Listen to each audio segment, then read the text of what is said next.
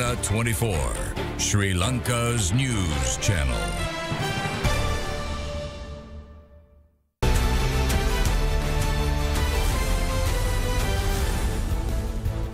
අයිබවන් සුබූදෑසනක් අදත් බික් ෆෝකස් සංවාදය සමගින් ඔබ එක්වන්නේ.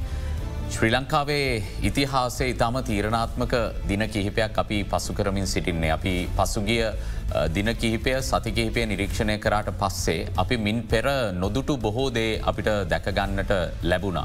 විශේෂෙන්ම රට මුහුණපා ඇති ආර්ථික අර්බුදයක්ත් එක්ක ජනතා පීඩනය මතින් ගොඩනැගුණු අරගලයක් ක්‍රියාත්මක වුණාය මේ වන විට මාස කහිපයක් තිස්සේ ඉදිරියට යමින් තිබෙනවා. කෙසේ වෙතත් එහි ජනතා විරෝධය ප්‍රතිඵලයක් විදිහට රටේ විදාහයක ජනාධිපතිවරයෙක්ට ගෝටාබේ රාජපක්ෂ මහතාට සිය දුරෙන් ඉල්ලා අස්වන්නට සිදුවන. එ අනුව මේ වෙද්දී නව ජනාධිපතිවරයෙක් පාර්ලිමේන්තුව මගින් තෝරාපත් කරගෙන තිබෙනවා. මෙවැනි පසුබිමක මේ වෙද්දිත් මේ රටේ පවතින විරෝධතා තවදුරටත් ඉදිරියට යමින් තිබෙනවා. විශේෂම රටේ ආර්ථික අර්බුදයට විසඳුම් සැවීමේදී. දේශපාලන ස්ථාවරත්වය ඇතිකර ගැනීම ඉතාම අත්‍යවශ්‍ය තැනක තිබෙන නිසා. අපි කොහොමද මේ අරගලවලින් මේ විරෝධතාවලින් ඉදිරිපත් වන ඉල්ලීම්බල්ට නිසියාකාරව ව්‍යවස්ථානුකූලව ප්‍රතිචාර දක්වන්නට ඕනේ එත් එක්කම ඒ ඉල්ලීම්බල්ට ඉඩක් ලබා දෙන්නට ඕනේ. එපමනක් නෙමෙයි රටේ දේශපාලන ස්ථාවරත්වය ඇතිකර ගන්නට මේ වෙලාවේ කඩිනමින් කළ යුතු ප්‍රතිසංස් කරන මොනවාද කියන කාරණය ගැන ඒ සම්බඳධ සාකච්ඡා කරන්න සුදුසු දෙපලක් සමඟ අද බික්‍ෆෝකස් සංවාදයේදී සාකච්ඡා කරන්නට අපි සූදානමින් සිරිනවා. මුලින්ම මං පිළිගන්න කැමති ජනාධිපති නීතිඥ ටිරන්ත වලලියද්ද මහතා අයිබුවන් කියලා සංවාදයට පිළිගන්න. ඒත්තකම යුක්තිය උදෙසා නීතිඥෝ සංවිධානයේ සභහපති නීතිඥ මනෝජ් ගමගේ මහදාවත් අයිබුවන් කියල පිළිගන්න. අයිබන්.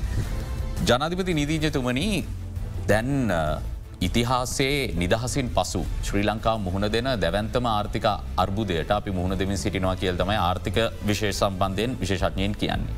ඒ නිසාම ජනතාව දැඩි පීඩාවන්ට මුහුණ දෙන්නට ඔවුන්ට සිදුවනා එහි ප්‍රතිඵලයක් විදියට ජනතාව පවතින රජයට විරෝධතාවය දක්වන්නට ආරම්භ කලා කියන කාරණය තමයි අපි දුටුවේ. ඒ අනු එය විකාශනය වෙමින් ඉදිරියට ඇවිල්ල තියෙනවා. ඔබ කොහොමද අරගලේ ආරම්භය මේ විරෝධතාවල ආරම්භය සහ අද අරගලය දකින්නේ කියවන්නේ. ආරම්භය මහිතන්නේ අයින්සක මිනිස්සු තමයි පටන් ගත්තේ. හොදේ මට මට පේන ති හොඳ අයින්සක මිනිස්සු අසරට මිනිස්සු පෝලිංගල හිටපු කට්ටිය ඒක එතනින් තමක පටන් ගත්තේ. හැබැයි ටික වෙලාවක් ටික කලාක් යනකොට ඕක ඇතුළට රිංගුව දේ දේශපාලන පක්ෂ එතරින් තම අරග අරගල විනාසවුන් ඔය තත්ත්ය අරගලේ මේ තත්වේ රාවයන්න එක ඉද. ඒ අර ඒ අහිංසක මිනිස්සු නිර්පාක්ෂීලන කියන්නේ නිර්පාක්ෂික ජනතාව එහෙම මේ කරගෙන ගියා නම් ගක් ප්‍රසංසාව ලැබුණයගුලන්ට. ඒ මේ තැනින්තරින් ඔය දේශපාලන කට්ටිය රිංගන්ඩ ගිල්ලා හරි ඒකෙන් තම අරගල මේ තත්තර පත්තුන්නේ මට වේ නටට. උතනදී ඔබතුමා ඒ මත ඉදිරිපත් කරද අපි අන්තිම කාලේ නිරීක්ෂණය කරපු තවමතයක් තමයි. ගැටලුව දේශපාලනික නිසා විසඳුමත් දේශපාලනිකයි. නිර්පාක්ෂික නිර්දේශපාලනික විසඳුමක් මෙතන නැහැ. ඒ නිසා දේශපාලන පක්ෂත් එක්ක එකතුව තමයි මේ වෙනස සඳහා ඉදිරියට යන්න ඕන කියලා. ඒ මතයට ඔබේ ප්‍රතිචාරයමකක්ද ඔබ ඇයිඒයට එකඟ නොවෙන්නේ. එකඟ නොවෙන්නේ මේ දේශපාලන පක්ෂ අපේ දන්න මතක කාල ඉඳම්. ඔය දේශපාලන පක්ෂවලින්දා මේ රට විනාසයට පත් කරේ. මේ පක්ෂත් එක මේ වැඩේ කරන්න බෑ. එක දැම්මයිතර හොඳට පේනවානේ. ගැන පටන්ගත්ත කාලීන්දම් එක බැහගෙන බැහගෙන බැහගෙන බැහගෙන දැඟතින් පොල යටම ගිය. ඒ දේශපාලන පක්ෂණය මොකද ව්‍යවස්ථාවයි දේශපාලන පක්ෂ මහජන අතර කිසිම සම්බන්ධ වෙන්නන පේනදේ. ව්‍යවස්ථාව එක තැනක. පාලිමෙන්තුව තවතැනක මාජනතාව තවතැනක. ඒක මංගෙන මේ ව්‍යවස්ථාවෙන් කිසිමටන අපිට කියලා. මේ පාලිමෙන්තු වැඩකුත්න අපිට. ඉති අරගලය පටන්ගත්ත එක හරි. ඊට පස වෙන පැත්තට හැරි ලගිය අන්නේ එක ප්‍රශ්නම දුන්න. ඒක මට පේන විදිට. හොඳයි. නීතිඥ මනෝෂ්කමගේ මාත්මය. අපි ඒ ප්‍රශ්නයෙන්ම ඔබතුමාට ප්‍රවේශයක් ලබා දෙන්න කියලා ආරාධනා කරනවා මොකද අපි මාධ්‍යවේදීන් විදිටත් දැක්කාරණය තමයි ජනතාවටයේ විශාල ප්‍රශ්නයක. ඒ සඳහා පසුගිය ආණ්ඩු විසින් නිසි වෙලාවට නොගත් තීරණ වගේම ගනු ලැබූ ඇතැම් තීරණත් ඉවහල් වුණ. ඒ නිසා ඉතාම පැහැදිලි විරෝධයක් ගෝටාවේ රාජපක්ෂ ආණ්ඩුවට ඉදිරිපත් වෙමින් තිබුණ. ඒ අනුව ජනතාවගේ ජනතාවට භාෂණය නිදහස හරහා විරෝධතාවයේ නියලීමේ අයිතියත් ව්‍යවස්ථාවෙන්ම ලැබිල තියෙනවා. ඔබ කොහොමද මේ විරෝධතා බලන්න. මම හිතන්නේ මමත් අපේ ජනාත් ප්‍රතිනීතිඥ තිරන්තවරලයද මහත්මයා කියපු කාරණඇත් එක් එකඟ වෙනවා. ජනතාවට තිබුණ ප්‍රශ්න රාශයක් අපට එක නැහැ කියන්න බෑනේ රජය ඇතැම් වෙලාවට ජනතා ප්‍රශ්නවලට කඩිනම් විස්නුම් නොසවීමේ ප්‍රතිඵලයක් විදියට ජනතාව පාරට බැස්සා ජනතාව අරගල කරන්න පටන් ගත්තා. එහි සුජාතභාවය මුල්ල අවස්ථාවේදී අපිට ප්‍රශ්න කරන්න බැහැ. එක බොහෝම හොඳ තැනකින් හොඳ යහපත් අරමුණකින් තමයි මේ අරගලය කියන්දේ පටන් ගත්තේ. හැබැයි මේ අස්සේ අර මෙතුමා කිය වගේ මම තම උර්ණපූර්ණයක් එක්ක දෙන්නම් මහජන චන්දයකින් බලයට පත්වෙන්න බැරි. චන්ද හත්තට දාහක් තියෙන චන්ද දහපාලොස් දහක් තියෙන පක්ෂ කිහිපයක් විසින් මේ මහජනතාවගේ තියෙන සැබෑ ප්‍රශ්න ඔවුන්ගේ දුක වේදනාව උපයෝගී කරගෙන එය දඩමීමා කරගෙන රාජ්‍ය පෙරලා දැමීමේ කුමන්ත්‍රණයක් බවට මේ අරගලය මේ වන විට පත් කරගෙන තිබෙනවා. මම දකින්නේ එකයි. මොකද හේතුව අපි දැක්කා මේ අරගලය බොහෝම සාමකාමීව මල් දෙමින් පටන්ගත්ත අරගලය ගල්වලට එහෙම නැත්තන් ටී පනස් අය අගිනිියාවි සොරකං කරන මට්ටමට ගෙනගියේ මේ අරගලේ පිටිපස්සේ හැංගිලා හිටිය මිනිමරු දේශපාලන මේක මම මීට මාස කිහිපයකටුද්දි මෙවැනිම රූපහනි වැඩසටහනක සහභාගි වෙලා. මංහිතා පැහැදිලිව කිව්වා ජනතාවට කල්පනාකාරී වෙන්න මේ අරමුණ කරා යෑමේදී. මොකද හේතුව හැම වෙලාම මේ දේශපාලනය මෙතුමා කිව්වාගේ මේ දේශපාලනය කියන්න මඩගොහොරුවේ හැම පැත්තමින්නේ එක එක හොරු තක් අඩි වැඩිපුරම. ඉති මොවුන් එක පැත්තකින් සමහරු බලය රැකගන්න උත්සාහ කරන ගමන්. බලය ලබා ගත නොහැකි පාර්ශයන් උත්සාහ කරනවා ජනතා විස්්‍රහට දාලා තමන්ට ප්‍රජාතන්ත්‍රවාදී විවහයකින් ගන්න බැරි බලය මං කොල්ලකන්න. දැ මෙතන අවසර දෙන්න ඔබතුමාගෙන් මෙහෙම ප්‍රශ්නයක් අහන්න. ඔබතුමා ඔය ආදරය අරගලය මල් දෙමින් පටන්ගත් අරගලය ටී පනස් අයට මේ ගෙවල් ගිනි තියෙන ප්‍රචණ්ඩ තත්වයකට ගියා කියන කාරණය කියද්දී. එහි ආරම්භය ගැන විවාධාත්මක තත්ව ඇතින කොතනින්ද මේක හැරුණ කියන එක. මැයි නමවෙන්දට යන්න ඕනේ මේ ගාලුමූදුර ඒ පිරිස විරෝධතාවේ නියලමින් සිටිය එතකොටත් සති කිහිපයක් බොහොම සාමකාමිව නමුත් දේශපාලන පක්ෂයක එවකට ආණ්ඩුවේ ප්‍රධානතම දේශපාලන පක්ෂය වෙත්ත. ශ්‍රී ලංකා පොදුජන පෙරමුණට සහය දක්වන ආධාරකරුවන් ගාලුමෝදුරට කඩා වැද ඒ අට්ටාල සියල්ල කඩාබිද දමමින් එල්ල කරපු ඒ ප්‍රහාරය තමයි මේ ප්‍රචණ්ඩත්වයට යාම ආරම්භ කළේ ඒ අනුව පැවති රජයමන මේ දේ ප්‍රචණ්ඩත්වයට මූලිකත්වය ගත්. ගාලු මෝදුර පහරදීම මම කිසිසේත් අනුමත කරන්න නැහැ. මොකද අපිට තිබුණ ඒ වෙන විට යම්කිසි ආකාරය මේ රට තුළ යම් ඇත්මය මතවාදීව පරාජය කරමින් තිබ අවදියක තමයි අනවශ්‍ය සිදුවීමක් ඔය සිද්ධ වනේ. නමුත් දැ මං අහන ප්‍රශ්නය දැන් තරුණ පරපුර හිතන්නේ ඔය ආදරය අරගලය නියුත්තෙන අපේ තරුණ දුවල පුතාල හිතන්නේ පැරණි දේශපාලඥයන් මිනිමරු. ඔවුන් හොරු වංචාකාරයෝ කියල නං. අපි මේ අරගලය තුළින් එන්න ඕන එතනින් ඉස්සරහට නේද. අපි එතම ඔවුන්ට ගාල මෝදරදී පහරදීමක් සිද්ධ වන. අපි ඒ අනුමත කරන්න නෑ. එතනින් ප්‍රතිප්‍රහාරයකු සිද්ධ වන. අපේ රටපුරාම මිනිස්සුන්ගේ ගෙවල් ගිනි තියලා. අර පාර්ලිමේන්තුවේ බාර්පමිටක් වැලිපමිටක් කිසිම දෙයක් නැති අහිංසක මන්ත්‍රී කෙනෙක්. මහමග ඝාතනය කරලා මිලේජ්ජ ලෙස. අර පකිස්ානයේ ඝාතනය කරම අපි ගොඩක්කට ඇඩුවා. හැබැ අපේ මේ සිංහල බෞද්ධ රටේ මන්ත්‍රීවරයකු පහරදීලා ඝාතනය කරලා බිමදිගේ ඇදගෙන ඇවිල මිලේච තත්ත්වයකට යෑම අනුමත කරන්න බැහැනි අපිට. මොකද හේතුව මේ අරගලය අරගලේ නියුක්ත පිරිස්වල අරමුණ චේතනාව හොඳනම් අපිට බැහැ මම කියන්න පැරණි දේශපාලජ්‍යෝන්ගේ චින්තනය ඔවුන් හැසරෙන්. ඔවුන් මේ චින්තනය වෙනස් කිරීමණ කරන්න ඕන ඔවුනුත් යන්නේ එතනට වැඩක් තිය දැන් උදාහරණයක් විදිර ගන්න දැන් හොරකම වලක්වන්න ආපු මේ අරගලය ඇතැම් පිරිස්. ජනාධපති ලේකම් කාරලට පැල්ලම කද කල තින බඩු හොරකන් කල තියන ජනාධපති මන්ද්‍රයට පැල්ලම කද කල තින බඩු හොරකන් කල තින අග්‍රාමාත මන්ද්‍රේ බඩු හොරකන් කල තින ඒ විතරක්නේ පොදු දේපල විනාශ කල තියනවා. එහෙමනං අපි කොහොමද කියන්නේ මේ සියර්සිය සුජාත භාවය හොඳයි කියලා. මොකද හේතුව දේශපාලඥ හොරුණක් ඒ හොරට හොරකම උත්තර දෙන්න නෙමේ කළ යුත්තේ. දැන් උදාහරයක් ඉදිර අපි සමහරක් කලාට මේවා හෙලා දැක්කම සමාජ මාධ්‍ය තුළ මගේ පෞද්ගලික පේස්බුක් ගිනුවෙන් ඔවුන් දානවා අර පාර්ශය කරපු හොරකං එක මේ මොනවාද කියලා නෑ එහෙම වෙන්න බෑ. හොරකම වැරදිනම් දූෂණය වැරදිනම් කවරු කරත් වැරදිීකින් තන්ත තමයි මේ සමාජය යන්න ඕන. හැබැයි අපි කියනවනම් අරය අච්චර හොරකං කරා ඒක නිසා මේ හොරකම පුංචි හොරකමක් කියලා ඒක වැරදි.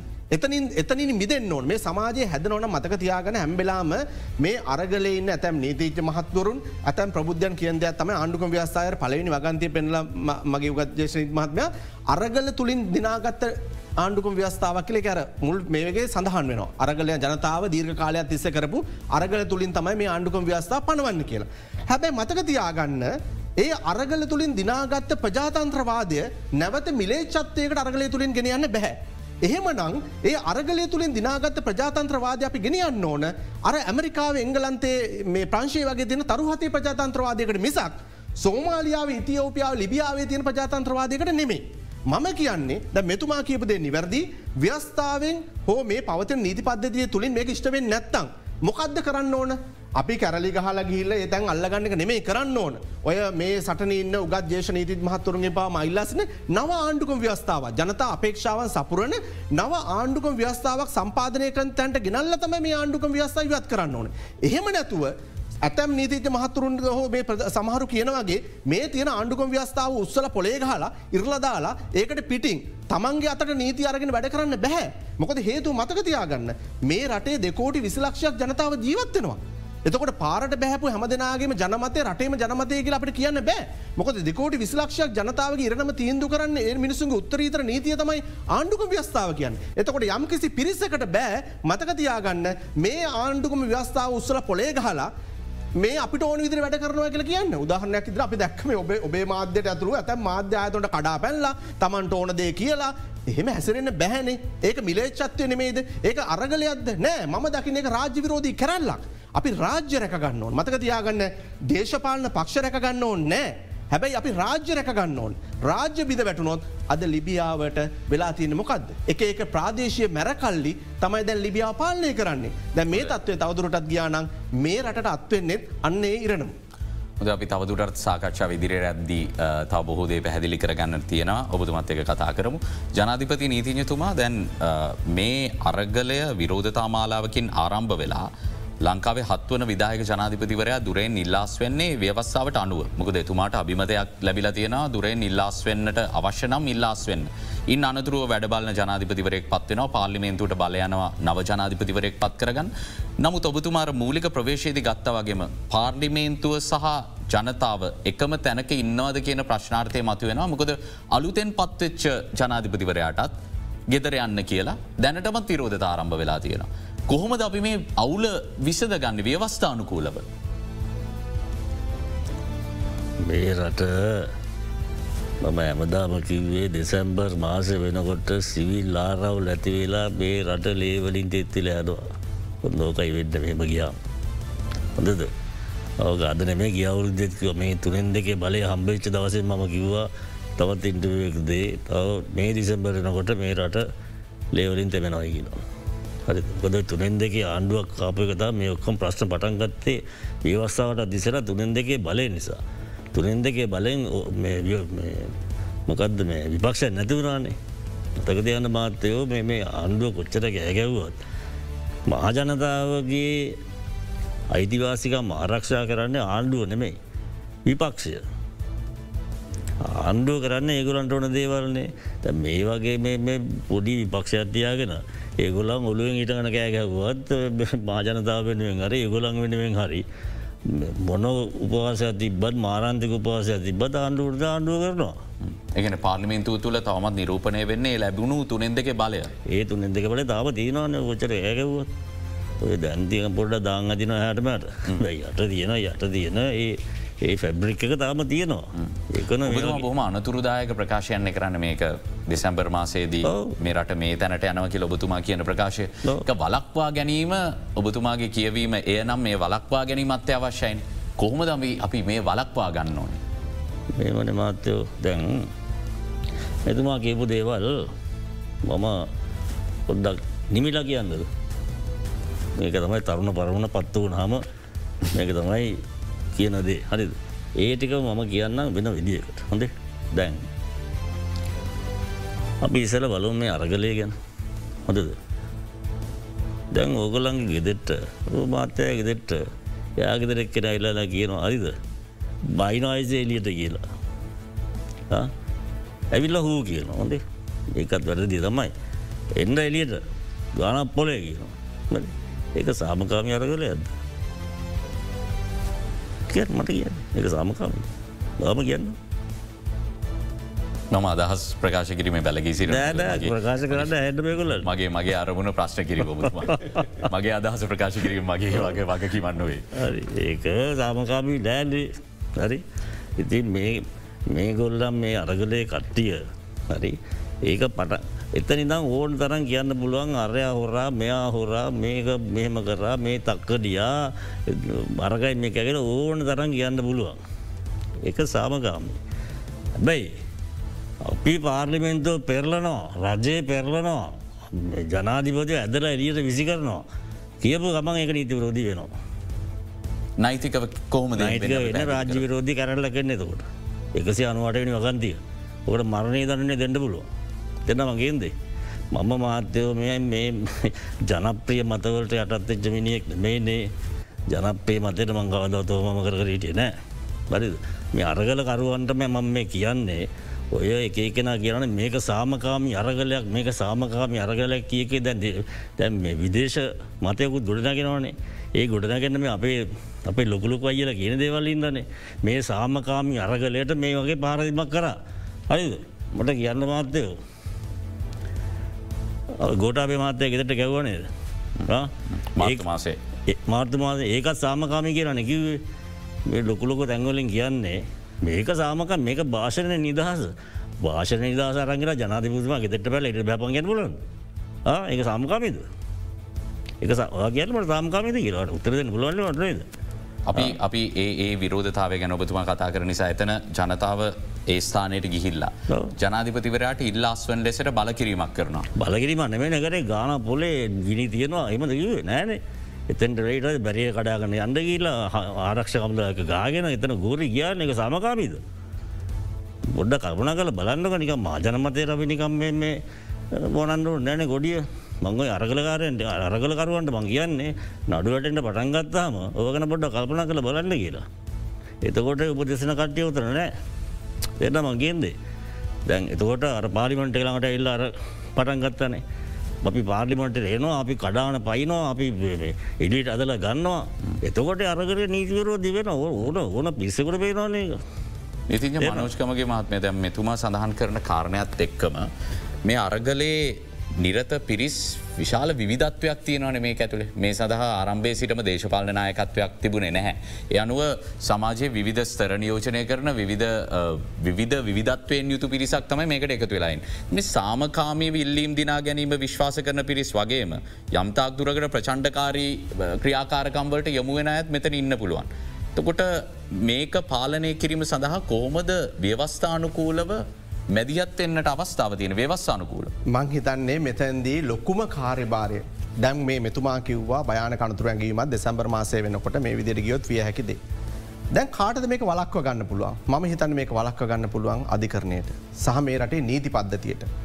අපි දැක්කා මැයි නම්වෙන්ද සිදුවීමේදී ඇතැම් අවස්ථාවල ඇතිවෙච්ච ලිහිල් ප්‍රතිපත්ති නිසා යම්කිසි ආකාරයකින් අපි අධිකරනවල තීන්දු තීරණ වියෝචනය කරනවා නෙමෙයි. නම් නමුත් යම්කිසි ආකාරයේද රාජ්‍ය විසින් පොලිසිය විසින් සහ මේ නීති මේ පද්ධතිය විසින්. ඒකට දැක්වූ ප්‍රතිචාරය එතරම් හොඳ සුභවාදී දෙයක් විදින්නේ මම දැක්කේ. මං මෙතන මම තව අනතුරු ඇඟවීමක් කරන්න අද දවසේ. දැන් ආණ්ඩුකම් ව්‍යස්ථාව පිළිගන්න නැහැ කියලා කියනවන. අපි දක්කා ප්‍රසිද්ධ ජනමාධ්‍යවලට ඇවිල්ල මේ අරගලේ සම්බන්ධ නාය කියන්නේ කියාගන්න ඇතැම් පිරිස් ප්‍රසිද්ධ ජනමාධ්‍යවලට ඇවිල්ල කියනවා මේ ආණ්ඩුකම් ව්‍යස්ථාව ඉරලා වීසි කරන්නවා.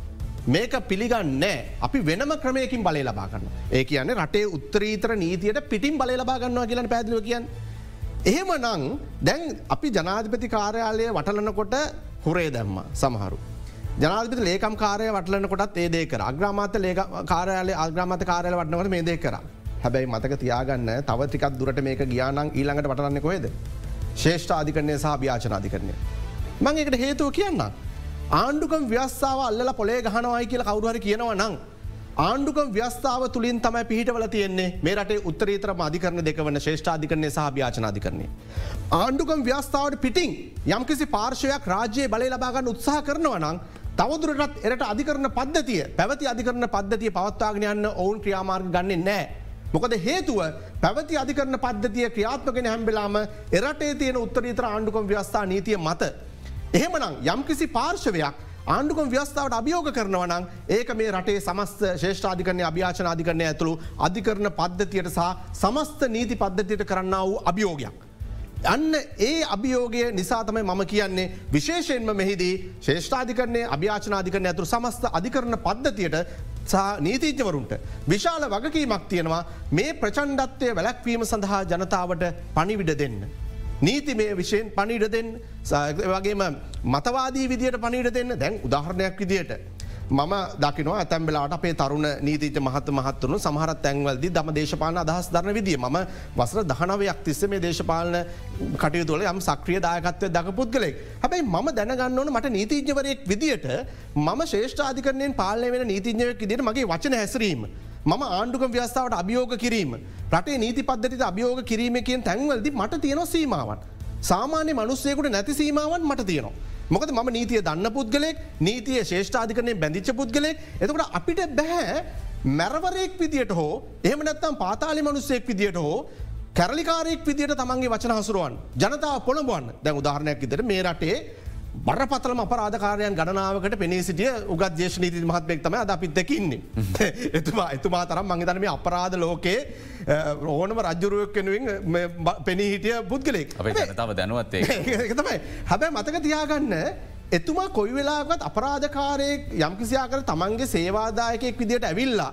තමන් කියන මුදල දරාගන්න බැරි මුදලක් එන්න පුළ ඒ මුදල කියලා ඔහුගේ සේවාදා සේවා ඔහුගේ සේවේ ලබාදීම ඔහු වෘතිය වශයෙන් කරන දෙයක්. හැබ මෙතුමට පුළුවන්ද මෙතු ඔත්තරයක් දේඒකට යම්කිසි අවස්ථාවකදී අපරාධකාරයකුට කියන්න උඹ ගිහිල්ල අරුව මරලවරෙන් මරලාවට පස්සේ මං කිසිම ගාස්තුවක් අයකරගන්න නැතුව උඹ වෙනුවෙන් පෙනීන්නම් කියල.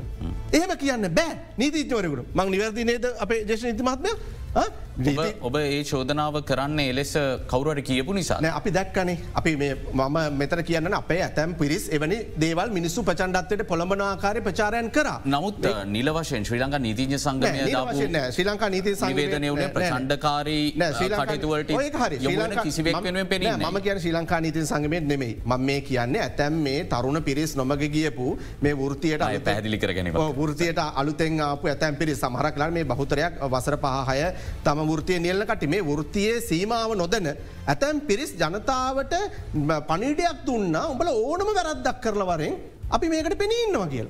එහෙම කරන්න බෑ නීතිජවරයකුට පුළුවන් ඕනම වර්දක් කල්ලාවම තමන්ගේ සේවාදායකනුවෙන් ගාස්තුවක් කරම් පෙනීන්න හැබැ උඹල ඕනම් වර්දක් කරලවරෙන් අපි නොමිලේ පෙනීන්දන් කිව්වොත් ඒක ප්‍රචන්්ඩත්වයට යම්කිසි අනුබලදීමක්. එමනත්තන්ගේ අපරාධය කරන අපරාධයට යම්කිසි ආකාරය සහය දැක්වීමක්.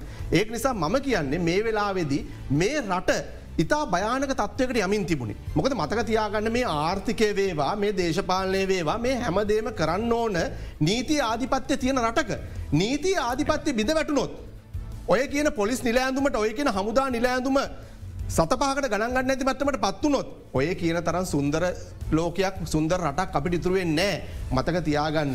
මං මේ රටේ ජනතාවට මේ අවස්ථාවද යම් දෙයක් පනිඩයක් කියන්න කැමති ඔබට සමාජ මාදලින් කියන අතනින් ගැහුවත් මේ දුර කතනන්කට කතා කරන්න මෙතනින් ගැහුවත් මේ දුර කතනන්කට කතා කල අපට පැමිලි කරන්න කියලා. හැබ මතක තියාගන්න මං මේ රටේ ජනතාවට කියනවා අදරයට ඔගලන්ගෙදට හොරු පැන්නොත් එම නැත ඒ පලාදින මැරවරයක්කයිල් ඔබට පහරදුන්නොත් ඔබට පොලිසියටයි කෝල් කරන්නවෙන්. නීතිඥවරයෙක් වුණත් මටත් කෝල් කරන්නවෙනි පොලිසියට. ඒක නිසා මේ රටේ නීති පද්ධති අපි ආරක්ෂා කරමින් තමයි අරගල කරන්න ඕන්. නීති පද්ධතිය බිඳ දමල අරගල කරන්න ගියොත් අපි හැමෝම අනාරක්ෂිතයි. ශේෂ්ඨාධිකරන්නේ ඉදම් මහිෂ්ඨාත අධිකරණය දක්වා සෑම විනිසුරුවරයෙක්ම අනාරක්ෂිතයි. දෙකෝටි විසිලක්ෂයක් ජනතාව අනාරක්ෂිතයි. ඒක නිසා මතක තියාගන්න අරගල කළ යුත්තේ ඒ අරගලේ නීතිය රාමූතුලින් දන්තවි කළ යුත්තේම නැත්තං නීතිය අතට අරං අරගල කරන්න ගියොත් මෙතුමා කිව්වගේ මේ ලේවිලක් වෙන දවස වැඩි අතකනම. ඉතාම කෙටි විරාමයක් ලබා දෙන්න ඉක්මනින්ම යළිත් හමුවෙනවා.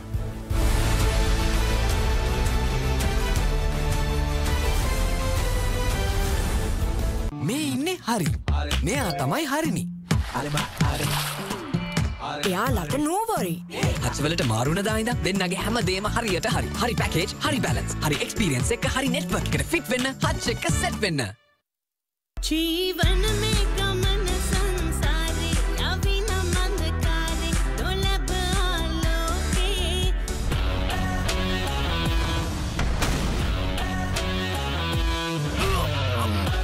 මම අජේලු ලූ නෙමෙයි අජේ. මුකොහොමද පුලිසිී සිංහල සිනමාවේ සුපිරිතරුව රංජන් ග්‍රාමනායක සිරගතවීමට ප්‍රථම රඟපෑ. අවසන් චිත්‍රපටය. The Dialog Home Broadband වෙතින් හොඳම work and learn anytime data plan. Welcome to Havelock City, home to 18 acres of space at the heart of Colombo. Contact 0772 505 100. Havelock City, a city within a city.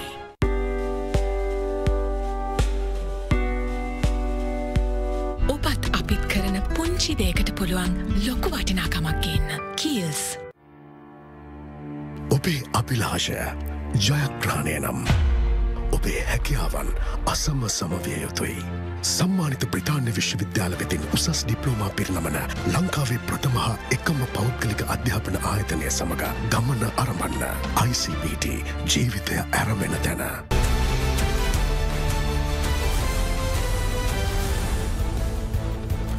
අරගල කිරීමේ අයිතිය සහ නීතිය ආධිපත්‍යය කියන මාතෘකාව යටතේ අද බික් ෆෝකස් සංවාධය අපි රැඳී සිටිනේ ජනධපති නීතිඥ ටිරන්ත වලලි අද මහත්මයා දැර අපි දැක්කා ජූලි නමවෙනිදා.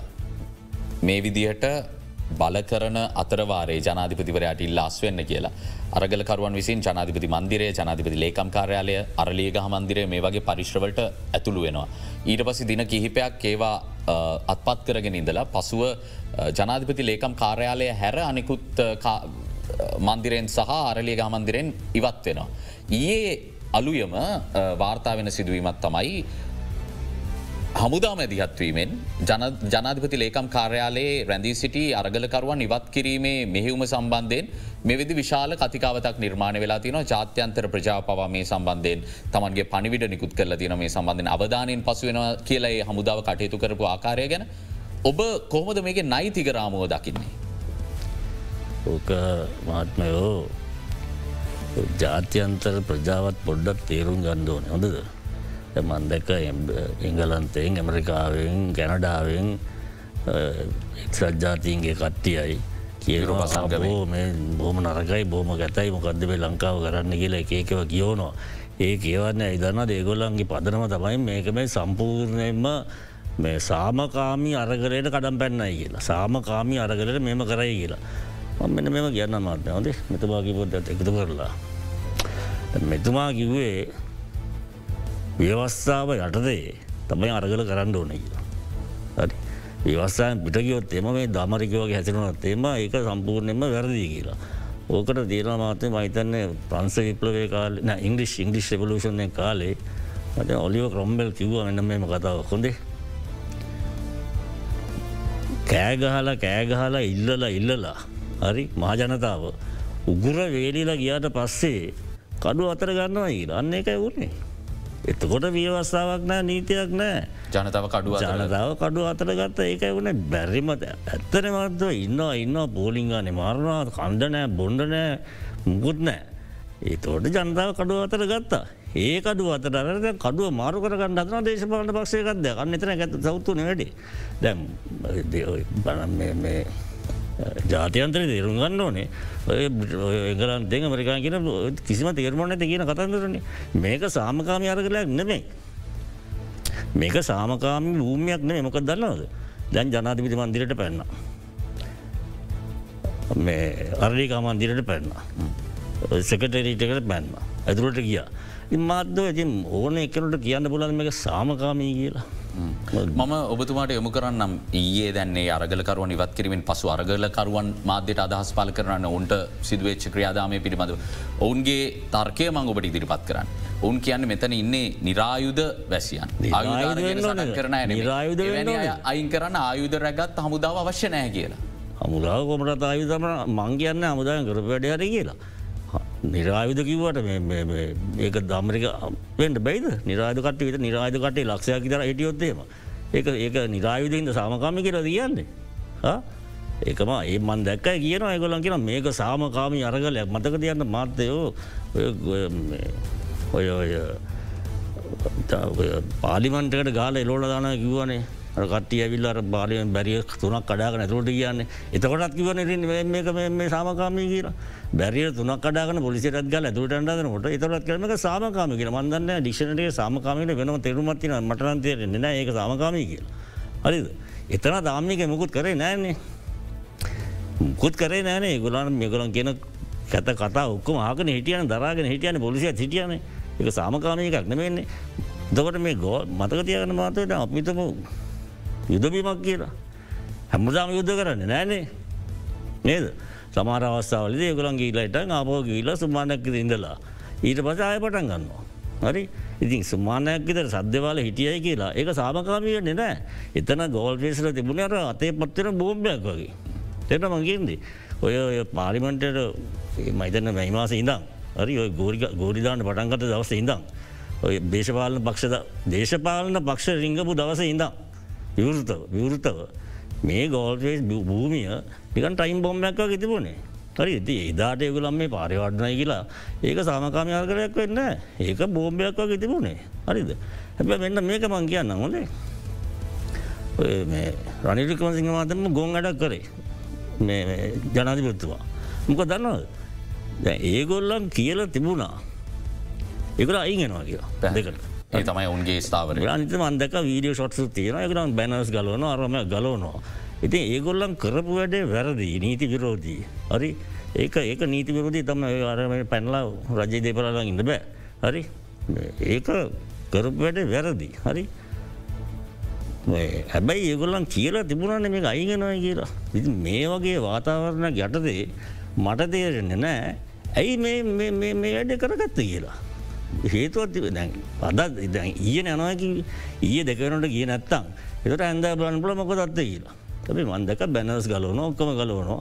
ඉතින් මොන මොන වැරදක් ගුණත්මාත්මය සමට ප්‍රතිපති තිරණ ගණඩපයි මොන මිනිමැරුවත් බෝම්භ ගැහව සමට ප්‍රතිපත්ති තීරණ අරගෙන පොඩ්ඩක් පසු පසින්න ඔන්නේ මුළු රට ගැනම කල්පනා කරන්න එපයි මේ ඒක මං කියන්නේ. මට තේරෙන්නේ නෑ ඇයි එදා මේ ආමික එව්ව කියලා ආමික කරපුට වැරදි හරි වැරදන මෙතන තියෙන ඇයිම කර මොකද මේ කළ යන්න හිටියේ. නීතිඥ මනෝජ්ගමගේ මහත්මයමං එතුමා අවසන් කරන තැනින්ම ඔබට ප්‍රශ්නයමු කරන්න රටේ නීති හා සාමය තහවුරු කරන්න සුරක්ෂිත කරන්න පොලිස් පාර්තමේන්තුවක් ඉන්නවා සිවිල් නීතිය තහවුරු කරන්න. මෙතුමා ප්‍රශ් කරන විදිටම ඔබතුමා මොකක්ද දකින තර්කය හමුදාව ඊයේ අලුයම ඒ ස්ථානයට යොමු කිරීම පිටු පස. මම හිතන්න මත් විශ්වාස කරනවා මේ සාමකාමීව ඔවුන් ඉවත් කරන්න සත්‍ය වශයම තීරණය කල තිබ්බනං එකට ඉටදීම සුදුසුයි කියලා.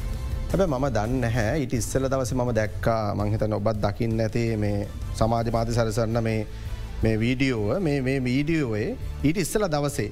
අධිකරන නියෝගයක් රැගෙන අර මීට පණහැ සීමාව ඉවත්වෙන්නේ කියලා කට්ටි ඉවත් කරන පොලිසිය පිරිසක් ගියාම මේ පොලිසිය පිරිසට දැඩි ලෙස හූ කියලා. මේ ආගෙන යන්න වහමයන්න කියලා පොලිසිය හූ හඬ දීල එලවනවා. ඉතින් දැ මේ ඊට ඉස්සල්ල දවස ඇතිවෙච්ච සිදුවීම. එතර යම්කිසි ආකාරයෙන් අපට පේනවා පොලිසි අධිකරණ නියෝගයක් අරගෙන ගිහිල්ලා මේ අරගල භූමින්න පිරිස්ට කිව්වම මෙතනින් ඉවත්වෙන්නේ කෙලේ සීමාවෙන් ඒකටවත් ඔවුන් අනුගත වෙන්නේ.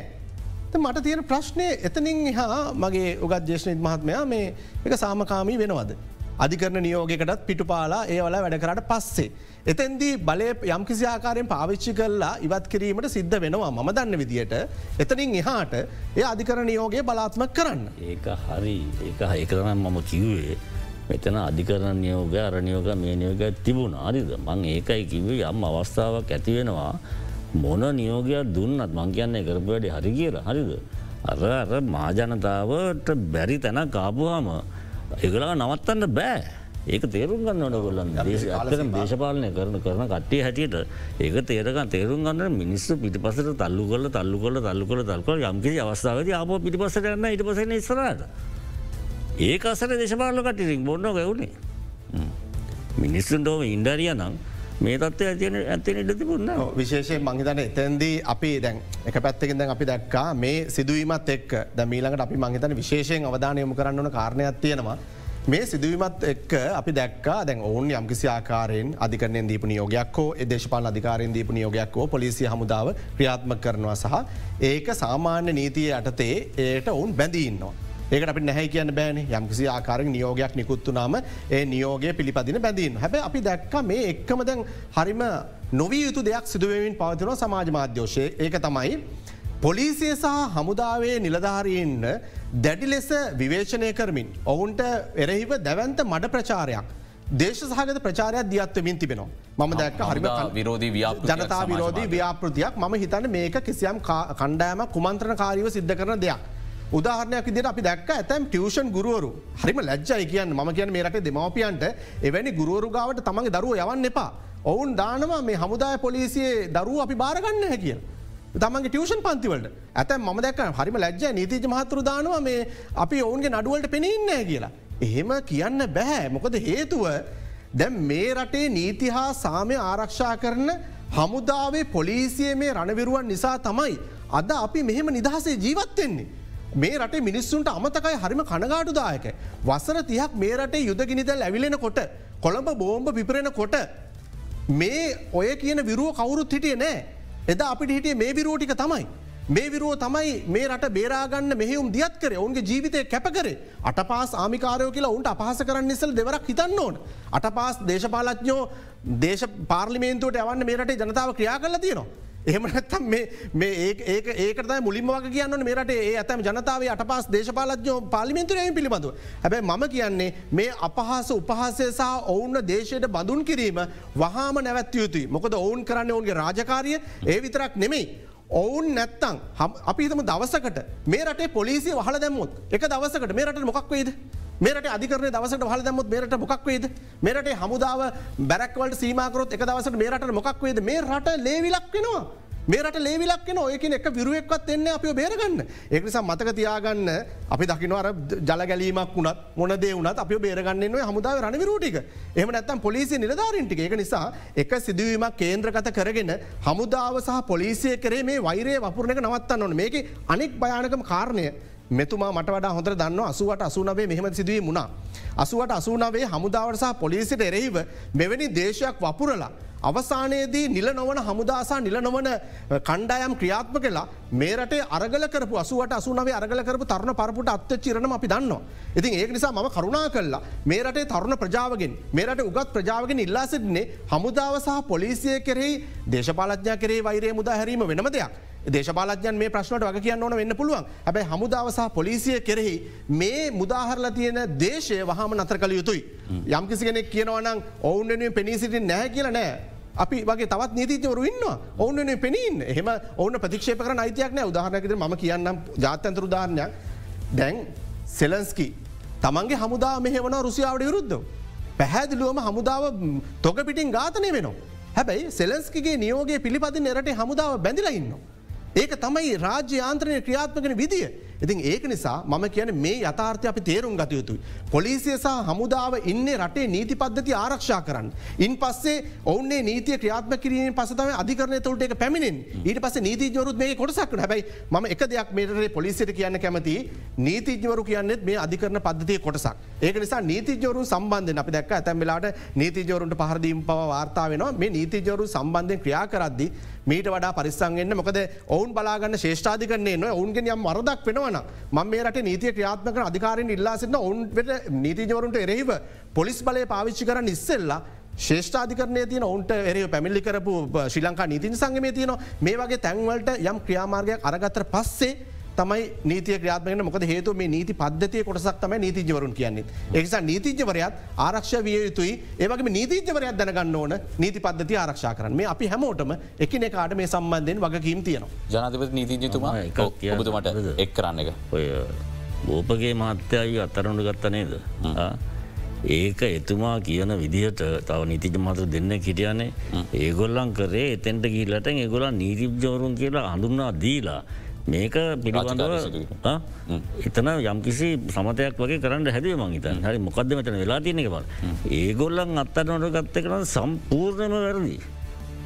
ඒගොල්ල මේ මේ අරගලයට මොන මේමක් උදවක් කරත් ඒ කරපු වැඩේ නම් මහිතන් නිති සංගය බෝ බොහොම දරුණෝ ක්‍රියා කරන්න ඕන ගත නැති ඔහු අරගලකරුවෙක් නෙමේ නීතිඥවරේ ඒගේ නීතිජ අයිඩෙන්ටි කාඩ්ඩයක් පෙන්න්නවල ඒ වෙලා අත්තරනු ගන්නවා නම් ඒක මහිතන්නේ නීතිය සංගමයටම බලපාන ලොකු ප්‍රශ්නයක් ඒක ම විරාමකට යන්න කරින් තවදයක් ඔබතුමාගෙන් පැදිලි කරන්නන මේ එතුමා සඳහන් කරන හමුදා විරෝධයක් සමාජ මාධ්‍ය තුළින්ගේම අපි නිරීක්ෂණය කරන තත්ත්වයක් මද ජනතාව කියනවා හමුදාව ඉන්න ඕනේ ජනතාව පැත්තේ ආණ්ඩුව පැත්තෙ නෙමේ කියලා. හමුදාව සැබවින්ම වග කියන්න ඕනේ කාටද රජයට. අපි කෙටි විරාමයකට යොමුවම විරාම අනතුරුව තව පැහදිලි කරගන්න කරුණු කේපයක්තින.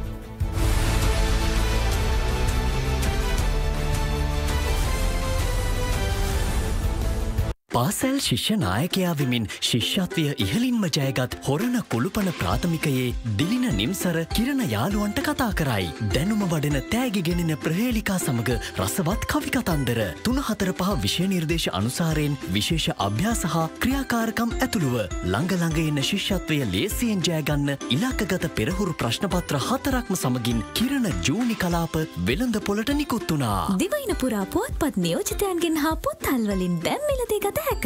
පට්ට දවල්ලකෝ මහබැංකු කඩල කට්ට සිංගප්පුර පැනලඉන්න. එකෙක්වත් ගියතුන් අල්ලන්න. කෝපිය එකක් බීල ආපෙකුත් කමු. ඒක ඉන්දනය අවුරුදු හතරහමාරකට කෙලවුනේ හිටක් පාර්ලිමිතුට යන්න. තෝ චන්ද ඉල්ලපිය පල ගම්පහට. එතකොට මේ ඉන්නේ රියහන්සේ. පොන්සේ මේක ජෑම් කලෙස මේක වහූර් කලෙස මේක වර්චස් කලෙස. The game. Why pay in dollars? We value every rupee. World class cloud services with flexible payment plans built completely in rupees. Contact a Dialogue expert today. Dialogue Enterprise. Take your enterprise to the future today. ශුවර්ද bonus ශුවර්ද මේකාලෙ bonus එක ශුවරද sure sure ශ්‍රී ලංකාවේ ශුවර ඉන්ශුවරස් එකමද ශ්‍රී ලංකා ඉන්ශුවරස් වෙතින් ජීවිත රක්ෂණ උපහිමියන් සඳහා මෙවරත් රුපියල් විලියන නවදස් අඩසිති සයක දැවන්තම bonus මුදලක්. අවතන්න බිඳුව එක එක දෙකයි තුන්සි පරස්සතයි තුන්සි පරස්සත. ශ්‍රී ලංකා ඉන්ශුවරන්ස් පියකුමින් මවකමින්. කාගේල්ස් ෆුට්සිටි වෙතින් රිවෝඩ් සමාජිකයන් සඳහා සුවිශේෂී දීමනාවක් තෝරාගත් මහන්ඩ පණහක් සඳහා සියයට තියක් දක්වා වට්ටම්. කාගේල්ස් ෆුට්සිටී.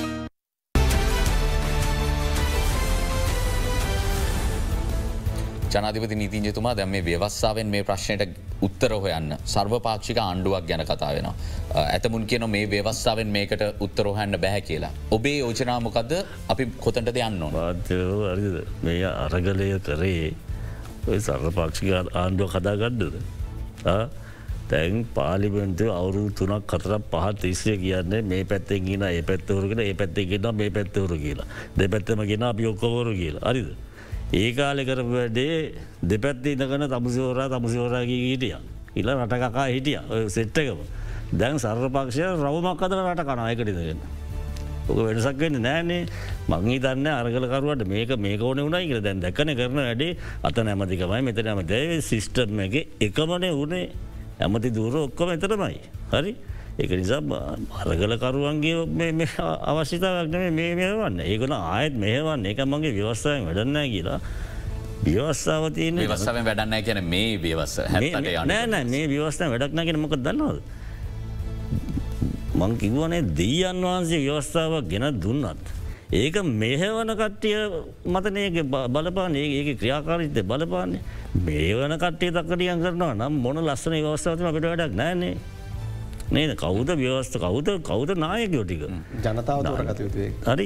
කෞද නායක? ජන ධනි ජනතාව තෝරගන්නට මොන කරන්න? දැන් අපි අර පරණ කාලෙදං එනයවනේ එක්සත් ජාතික පස ආවෙනී කට්ටියනවානේ හරි වෙඩි තිබත් එක්ෂ හරි. එසල්ලපිගෙත් ඉන්නවා මැරුවත් එසල්ලපි හරිද? ඒ වගේ මයින්දලරහින ඒගොලයි කට්ටිය ගොලන් රනිල්ලා ඉන්න ගලවන්න බැරි කට්ටි ඉන්නවානේ ඒ සෙට් ඇතමාන්තම දේශපාලනය පාලනය කරන්න. එක නිසා ඔය සිිස්ටම මේ සිිස්ටම කරයන්න නව ව්‍යවස්සාාවකින් අපි වැඩියෙන් මවධානය කරන්නන කොතන්ට නව ව්‍යවස්ථාවක් ගේන්ට බැරිමකොත් දන්නවද? කව දාවත් තුනෙන් දෙක බලය කම්බෙන් නැම එක හෝසි කරන්න. හිතුවද මේ ඉන්න ඔය සෙට් එක විවස්ථාව හෝසි කළ ගෙදරන්න ලැසී කියලා. ඇනේ ඒගොල්ලම් මෙතන තුනෙන් දෙක කම්බවෙන්න කවදාවත්. හරි. ඒක නිසා නව ව්‍යවස්ථාව කරන්න බෑ මේ අවස්ථාව තියෙනකං. ඕක තියදි තව එකක් ගේන්න පුළුවන්. ඒක ලොකු නීති සංකල්පය මේක තියෙද්දිම තව එකක් ගේන්න බ. මෙන එක මේ අවසි කරන්න නැතු ඒකයි පස්සේමු. මම මෙන්නම යෝජනාව කරන්නද? බලමු කොච්චර කොච්චර ආදරයද කියලා මේ පාලිමෙන්න්තය කට්ටිය මාජනතාවට ොදේ ඊලා පාලිමෙන්ට මැතිවරණ ති නොනේද. ඒකන ඉල්ලන්නේ. මැතිවරණ ප්‍රේමදාසලා වන්නකුමාරලා ඔය සේරම ඉල්ලන්නේ මැතිවරණයක්නේ බරි හොඳයි. මැතිවරණ නීතිය සංශෝධනය කරනවා. මැතිවරණ නීතිය සංශෝධනය කරලා සන්ද අපේක්ෂන් සුදුසුකන්තිී නොනේ හරිද. සුදුසුකංවලට මේ මේ මැතිවරණ සංශෝධනය කරන පැතිවරණ පනදට මෙතෙක් පාර්ලිමෙන්තු මන්තී දුරයක්කට දියවරුන් දුන්න කිසිම දැනැත්තකොට ඊළඟ ඊළඟ චන්දේදී සභාගවෙන්ට බෑපේක්ෂකගේ හැටියට. වැඩ ඉවරයිනේ එතු එතනින් හොඳ පිරිසරත් ඉල්ලන්න බැරි කවදෝදයකින්න මට එකන කියන්න. කවදින කියන එකන හරි එක්කනකත් ඉල්ලන්න බෑ. හරි. ඊටවද දැන් තරුණ දැම් දෙපැත්තම තුම් පැත්තම අපිට තරුණයවන තරුණ පරපුර ගේෙන් ඕන කියෙන කියන තරුණ පරපුර. ඉති ඒකත් හා කියලා හතලිස් පායන් හට ගඩ්ඩස් කරට බෑ. මනෝච්කමගේ මහත අවසාන වශයෙන් අපිට මිනිතු කී වැෑදීන්. මම දකින්න මේකයි මම ඒකට තව උරණ පූර්ණ ඇතුවයන් කැමති ඒක මංහිතන වඩාත් ප්‍රයෝග ක්‍රියාත්ම කරන්න පුළුවන් විදිිය තමයි තරුණ නියෝජනය ගත්තිනවා. උගතුන් ගෝනේ අර කොලිග කොලිෆයි කට්ටේ කියරනේ මිනිමම් පොඩිම කොලිිකේෂන ඒඩවල් කියනවා. බලමු ඊදන ගිදීද ගොතන බල මම හිතන්නේ එතුමා කියන වගේ අධ්‍යාපන සුස්සුකම ඒකට මං එකඟයි. ඒවගේම තරුණ පරපුල සියල්ල තරුණය හතලිස් පහෙන් එන්න ඕන කියන්දේ මම යම් කිසි ප්‍රමාණයට එකඟ නෑ මොකද හේතුව පට දියනවා. මට නෙේ ප්‍රශ්නය නෑ මොකද හේතුව? ඒක ස්ප්‍රයෝගිකෝ කිරීමේදයම් ලෝක දේශපාල තුළත් ගත්තම යම් ගැටලුකාරි තම එකනිසා ප්‍රතිශතයක්. එක තරුණයන් අඩුම තරම සියට පණහක්. එමනත සියට හැටක් තරුණයන් සිටිය යුතුයි කියන නීතියක් සම්මතයනවන වඩා හොඳයි. මොකද හේතුවද පරිනත දේශපාලජයොත් අවශ්‍යන වෙලාවල් තියෙනවා. ඇත මවස්ථාවල් මොකද ඔන්න නැතුව අපි දක්ක උතුරු කොරියාවේ තරුණ ජනාධිපති කෙනෙ කාවට පස්සේ එකසරයට මොකක්ද රට වියගෙන ගිය කියලා. ඉති ඒක නිසා මෙතුමත් මට කිවගේ තරුණකමට ඕවා ඔහම තමයි කියලා. ඉතින් තරුණකමට වැරදි දේ සිද්ධ වෙන්නත් පුළුවන්. ඉතින් ඒක නිසා මේ දෙක බැලන්ස් වෙන්න ඕන. මේ දෙක සමානු පාතික වෙන්න ඕන. ඒනිසා තරුණ නියෝජනය වැඩිකිරීමේ ක්‍රමවේදයක්. අඩුම තරම දැනුත් පුළුවන් මේ පාර්ලිමේන්තුවට සම්මත කරන්න මෙතුමා කියනවාගේ හැබැයි දූෂණය පිටු දකින්න දැඩි නීතිරීති සම්මත කරන්න මේ එකක්ත් සිද්ධ වෙන්නේ. මංහිතන්නේ නීතිීජවරු ජනතාව යන්න ඕන මේ ආණ්ඩු පෙරලා දැමීමට නෙමේ. දැයි යන්න ඕන මේ තමන්ට අවශ්‍ය නීති පද්ධති සකසාගනීම සඳ අවසාන වශයෙන් මං කෙලිවර කරන්න මතකතියාගන්න පොලිසිය හමුදාව මේ රටේ ජනතාව මේ සියලු පාර්ශයන්ට මං කියන එකමදේ තමයි නීතිය ආධිපත්‍ය බිඳ වැටෙන දෙන්න එපා නීතිය ආධිපත්ත බිඳ වැටිච්ච සමාජයක් මලවන්ගේ දේශයක් බවට පත්තන එක නතර නතර කරන්න අපිට කාටවත් බෑ එක නිසා මුලින්ම මේ හැමදේම දිනාගන්න ඕන නීතියේ රාමෝ තුළ කියන්දේ අපි හැමෝම මතක තබාගන්න ඕන කාරණය. හොදයි. අපි අලිත් දිනක හමුවෙලා මේ ප්‍රතිසංස් කරන ගැන කතා කරම් මෙවැනි අවස්ථාවකින් ජනතාව මොන ප්‍රතිසංස් කරන දිනා ගැනීම වෙනුවෙන්ද වැඩියෙන්ම සටන් කරන්න ඕනි කියන කාරණය පිළිබඳ බේවිම්ම සූතිවන්තය ඔබ දෙපලටම අද සම්බන්ධ වනාට සංවාධයක්ත් එක්ක අදට අපි බික් ෆෝකස් සංවාධයෙන් සමුගන්නවා හෙටත් හමුවමු සුපුරුදු වෙලාවට සුපදිනයක්.